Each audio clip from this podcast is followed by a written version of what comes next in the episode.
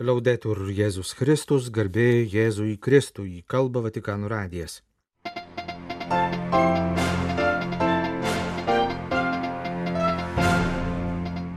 Baigėsi popiežiaus Pranciškaus vizitas Portugalijoje, paskutinis prieš išvykimą iš Lisabonos.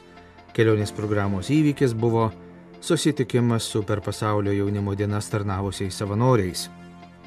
Iš Lisabonos į Romą sekmadienio vakarą skrendančiame lėktuve įvyko tradicinė popiežiaus spaudos konferencija, per kurią buvo apibendrinti pačios kelionės rezultatai ir kalbėta kitomis aktualiomis bažnyčios gyvenimo temomis. Grįžęs iš kelionės pirmadienio rytą popiežius aplankė didžiąją švenčiausiosios mergelės Marijos baziliką ir padėkojo Dievo motinai. Šeštadienį švestos švenčiausiosios mergelės Marijos romiečių globėjos šventės proga popiežius parašė laišką Romos kunigams. Laiškas buvo paskelbtas pirmadienį popiežiui jau grįžus iš kelionės. Sekmadienio vakarą popiežius Pranciškus parvyko iš apaštališkosios kelionės Portugalijoje, kur susitiko su pusantro milijono jaunuolių iš viso pasaulio dalyvavusių pasaulio jaunimo dienose. Paskutinis prieš atsisveikinimą vizito programos renginys buvo popiežiaus susitikimas su pasaulio jaunimo dienų renginiuose tarnavusiais savanoriais. Iš viso jų buvo net 25 tūkstančiai, tarp jų ir keliolika jaunuolių iš Lietuvos. Gracias a todos ustedes por haber trabajado tanto y también hicieron posible estos días inolvidables. Dėkoju Jums visiems, kurie sunkiai dirbote ir atlikote gerą darbą.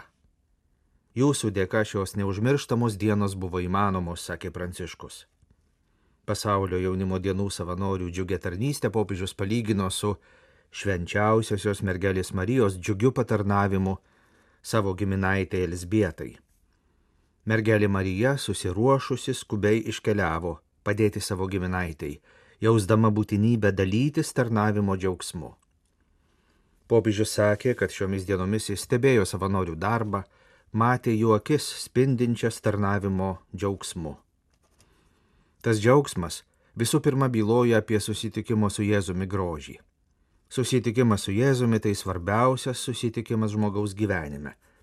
Kasdien atnaujinti asmeninį susitikimą su Jėzumi yra krikščioniškojo gyvenimo šerdis.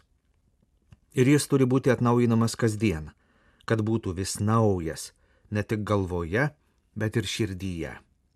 Pasak Pranciškaus pasaulio jaunimo dienos tai ir labai gera proga rimtai susitvarkyti gyvenimą, susidėlioti prioritetus. Susitikimas su Jėzumi padeda tai padaryti. Keliaudamas kartu su mumis, Jėzus padeda mums suprasti, kas svarbiausia - padeda vaduotis iš priklausomybės nuo daiktų, vengti išsiblaškimų. Susitikimas su Jėzumi tai ir susitikimas su kitais žmonėmis. Tai reiškia, kad nors susitikimo su Jėzumi patirtis yra labai asmeniška, tačiau ji įmanoma tik keliaujant kartu su kitais, tarnaujant kitiems. Savo kalbą pasaulio jaunimo dienų savanoriams popiežius baigė metaforą. Netoli Lisabonos yra nedidelis Nazare miestelis, garsėjantis ties juo vandenynė susiformuojančiomis labai aukštomis bangomis, kurios į šią vietovę traukia banglentininkus iš viso pasaulio. Šiomis dienomis ir jūs susidūrėte su didžiulė banga, ne vandens, o jaunų žmonių, tokių kaip jūs, kurie užplūdo šį miestą, sakė popiežius ir ragino.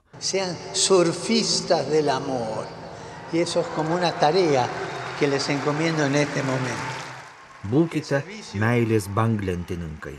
Tai yra užduotis, kurią patikiu jums.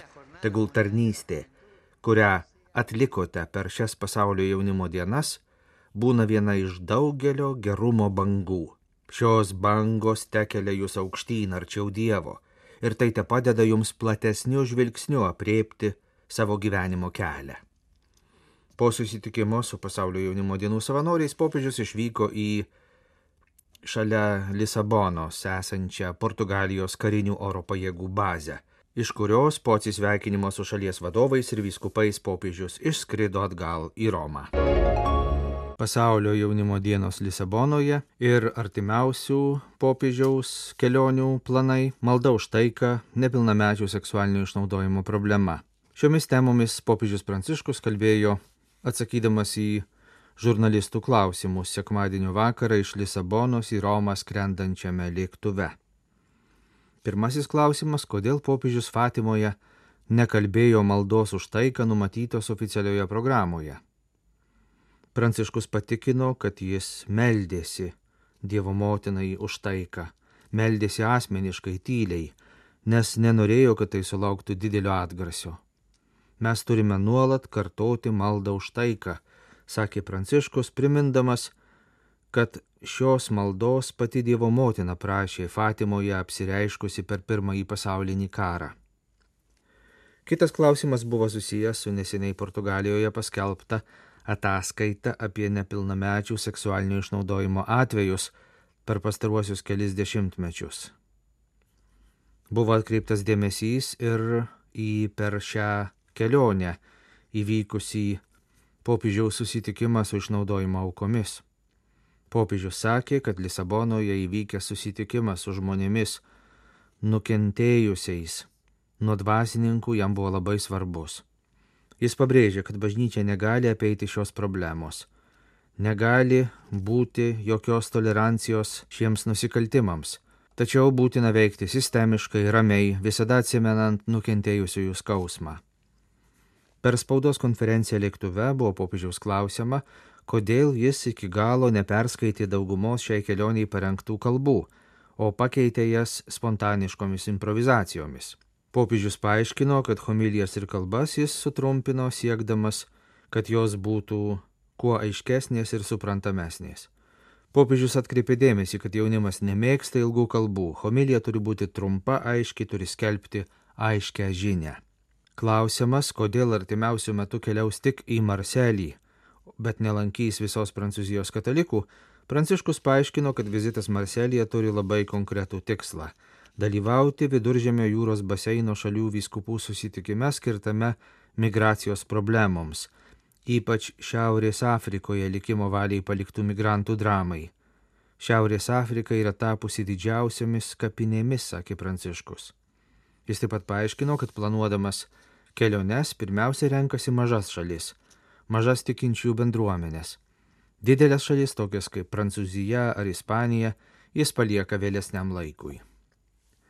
Vokietijos katalikų žinių agentūros KNA korespondentė klausė, kaip paaiškinti netitikimą tarp tvirtinimo, kad bažnyčia yra atvira visiems ir fakto, kad ne visi joje turi vienodas teisės ir galimybės. Popiežius atsakė, kad bažnyčia yra atvira visiems, tačiau egzistuoja taisyklės, pagal kurias ji gyvena. Bažnyčia yra motina ir priima kiekvieną. Yra atvira visiems - ligonėms ir sveikiesiems, seniems ir jauniems, negražiems ir gražiems, geriems ir blogiems, tačiau kas kita yra vykdyti tarnystę bažnyčioje, žingsnis po žingsnio lydėti žmonės šventumo keliu. Toliau kalbėdamas apie ką tik pasibaigusias pasaulio jaunimo dienas Lisabonoje, popiežius pabrėžė, kad jos buvo ketvirtosios per jo pontifikatą ir geriausiai surinktos. Iš tų, kurias mačiau, šios buvo geriausiai parengtos, sakė Pranciškus. Jis taip pat dar kartą pabrėžė dialogo tarp jaunų ir senų žmonių, tarp senelių ir vaikaičių svarbą. Šis dialogas yra svarbus, nemažiau svarbus už tėvų ir vaikų dialogą. Sekmadienį grįžęs iš Portugalijos, kur vyko pasaulio jaunimo dienos, pirmadienio rytą popiežius Pranciškus, kaip įprasta po kiekvienos apaštališkosios kelionės, nuvyko į Romos švenčiausiosios mergelės Marijos didžiąją baziliką pasimelsti prie mergelės Marijos salus populi romani ikonos.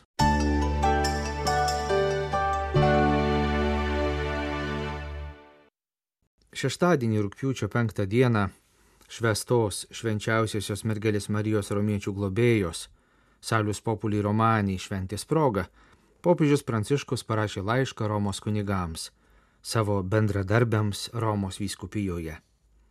Romiečių globėjos šventės dieną popiežius buvo Lisabonoje, dalyvavo pasaulio jaunimo dienose.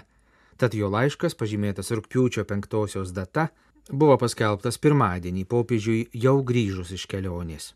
Brangieji broliai, rašo Romos vyskupas, noriu jūs palydėti ir padrasinti, tikėdamasis, kad tai padės jums vykdyti savo tarnystę, kurioje yra daug džiaugsmo ir vargo, kurią lydi ir viltys ir nusivylimai. Popiežius dėkoja Romos vyskupijoje dirbantiems kunigams už liudijimą, už gėrį, kurį jie daro, už atleidimą ir paguodą Dievo vardu, už tarnystę, kuri neretai vyksta tarp daugybės sunkumų ir nesusipratimų, kuri dažnai nesulaukia įvertinimo. Kita vertus rašo Pranciškus, kunigiškoji tarnystė nėra matuojama laimėjimais. Kunigo tarnystė tai ne tiek veiklumas, kiek buvimas su viešpačiu, nuo kurio labiausiai priklauso pastoracinės veiklos vaisiai. Viešpats yra kunigo atgaiva. Kuniga godžia viešpaties gailestingumas, jo malonė, kuri vienintelė padaro įmanomą paštališkąją veiklą, padeda ištverti nesėkmės, būti klusniems ir kantriems. Popiežius užtikrina, kad jam labai brangus Romos vyskupijoje tarnaujantys kunigai ir jis nori, kad jie jaustų jo artumą džiaugsmuose ir sunkumuose, planuose ir darbuose. Popiežius taip pat rašo, kad jis kasdien už juos meldžiasi, trokšdamas, kad Romos bažnyčia, pašaukta pirmauti liudydama meilę, būtų vieninga viduje ir kitiems liudytų vienybę. Tegul Romos bažnyčia visiems būna gailestingumo ir vilties pavyzdys, o jos ganytojai visuomet te būna pasirengę dovanoti Dievo atleidimą, malšinantį šiandienos žmogaus troškulį. Toliau savo laiške popiežius prašo Romos kunigų užduoti savo klausimą, ko mūsų laikais nori iš mūsų viešpats kur mus kreipia dvasia, kuri mus patepė ir pasiuntė kaip Evangelijos apaštalus. Popiežius kunigams prisipažįsta, kad kai jis maldoje savo kelia šį klausimą, prieina prie išvados, kad šiandien Dievas prašo visų pirma atmesti dvasinį supasaulėjimą. Šiuos dalykus esu minėjęs kitomis progomis, tačiau norėčiau juos pakartoti, nes manau, kad jie yra labai svarbus, rašo Pranciškus. Dvasinis supasaulėjimas iš tiesų yra pavojingas, nes tai gyvenimo būdas, kuris dvasingumą redukuoja iki regimybės. Jis paverčia kunigus prekiautojais dvasiniais dalykais, sakralinėmis formomis apsidangščiusiais žmonėmis, kurie iš tikrųjų masto ir gyvena pagal pasaulio madas. Toliau savo laiške Romos kunigams popiežius rašo apie vieną pavojingiausių tokio dvasinio supasaulėjimo aspektų klerikalizmą, kuris įsiskverbia į kai kurių Dievo tautos ganytojų širdis. Klerikalizmas, pasak popiežiaus, tai reiškinys, kai kunigas, kartais net pats to nesuvokdamas, mano esas pranašesnis, privilegijuotas, stovintis aukščiau už kitus šventosios Dievo tautos narius. Pranciškus primena pranašo Ezekėlio įspėjimą ganytojams, kurie nesirūpina savo banda, negano kaimenės, bet patys geria avių pieną ir gamina savo rūbus iš jų Vilnos. Pranašas kalba apie pagundą rūpintis ne kaimenę, bet savimi, ne bendruomenės gerovę, bet savo patogių gyvenimų, apie pavojų prarasti kunigišką dvasę, uolumą tarnauti, troškimą rūpintis žmonėmis. Popiežius prašo kunigus melstį šventosios dvasios pagalbos, melstis vieniems už kitus, kad kunigai tiek asmeninėme gyvenime, tiek pastoracinėje veikloje nepasiduotų dvasiniai regimybei, kupina įvairių dalykų, bet stokojančiai Dievo. Popiežius prašo melstis, kad kunigai būtų ne šventybės funkcionieriai, bet aistringi Evangelijos skelbėjai, ne instituciniai klerikalai, bet ganytojai. Mums reikia asmeninio ir pastoracinio atsivertimo rašo Romos vyskupas ir savo bendradarbius kunigus ragina. Ženkime pirmin su entuzijazmu ir drąsa, dirbkime kartu su kitais kunigais ir su broliais bei seserimis pasauliečiais, inicijuodami sinodinės formas ir eidami keliais, kurie padėtų atsikratyti tiek su pasaulėjimu, tiek ir klerikalizmu. Nuolankiai ieškokime dvasios įkvėptų pastoracijos būdų, kad viešpaties paguoda iš tiesų pasiektų visus.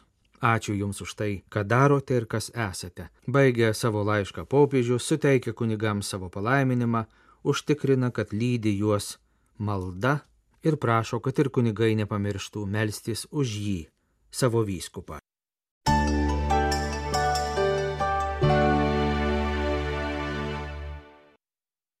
Rūpiučio 8 dieną liturginis kalendorius mini šventąjį Dominiką Guzmaną, pamokslininkų ordino paprastai vadinamo Dominikonais įkūrėją. Dominikas gimė Ispanijoje apie 1170 metus. Prieimęs kunigo šventimus greitai pagal to meto dvasę pradėjo kopti bažnytinės karjeros laiptais. Vieną kartą Dominikui lankantis popiežiaus dvare, jam buvo pasiūlyta skelbti Evangeliją tuo metu pietinėje Prancūzijoje gana plačiai paplitusiems klaidatikiams albigensams ir katarams, skelbusiems manichėjišką dualistinę visatos sampratą, pasak kurios pasaulį valdo dvi lygiavertės jėgos - gėris ir blogis. Dominikas noriai priemė pasiūlymą ir tuo pat iškeliavo į pietų Prancūziją. Dominikas su klaidatikiais kovojo ne ginklu, kaip vėliau kiti kurie galiausiai ir išžudė klaidatikius, bet racionaliais argumentais. Greit atsirado ir pasiekėjų, iš kurių susiformavo nauja vienuolių bendruomenė - pamokslininkų ordinas. Pirmoji šios vienuolijos bendruomenė buvo įkurta Tulūzoje. Jai buvo pritaikyta Šventojo Augustino regula. Nauja vienuolyje oficialiai patvirtinta 1216 metais. Dominikonai panašiai kaip ir maždaug tuo pat metu Italijoje susikūrę pranciškonai rinkosi elgetaujančio ordino formą, tai yra mobilumą, tiesioginį kontaktą su žmonėmis, neprisirišimą prie žemių ir turtų. Labai svarbus ir ordino ateitį nulėmęs sprendimas buvo siūsti brolius į geriausias to meto mokyklas, kad jie būtų kuo geriau pasirengę savo darbui. Dominikas mirė Bolonijoje 1221 metais. Jau 1234-aisiais jis buvo paskelbtas šventuoju. Naujausio popiežiškojo žinyno skelbiamais duomenimis visame pasaulyje praėjusiu metu paskutinę dieną buvo 5503 dominikonai, kurių 4101 kunigas. Pirmieji dominikonų kontaktai su Lietuva siekia 13 amžiaus pirmąją pusę. Pasak tradicijos, apie 1230-uosius Lietuvą aplankęs dominikonų misionierius šventasis Hjacintas Jackus. Lietuvos dominikonų provincija buvo įkurta XVII amžiuje ir vienu metu ji turėjo dešimtį vienuolynų. Šiandien nedidelė Lietuvos dominikonų bendruomenė įsikūrusi Vilniuje prie Šventųjų Jokūbo ir Pilypo bažnyčios priklauso Prancūzijos dominikonų provincijai.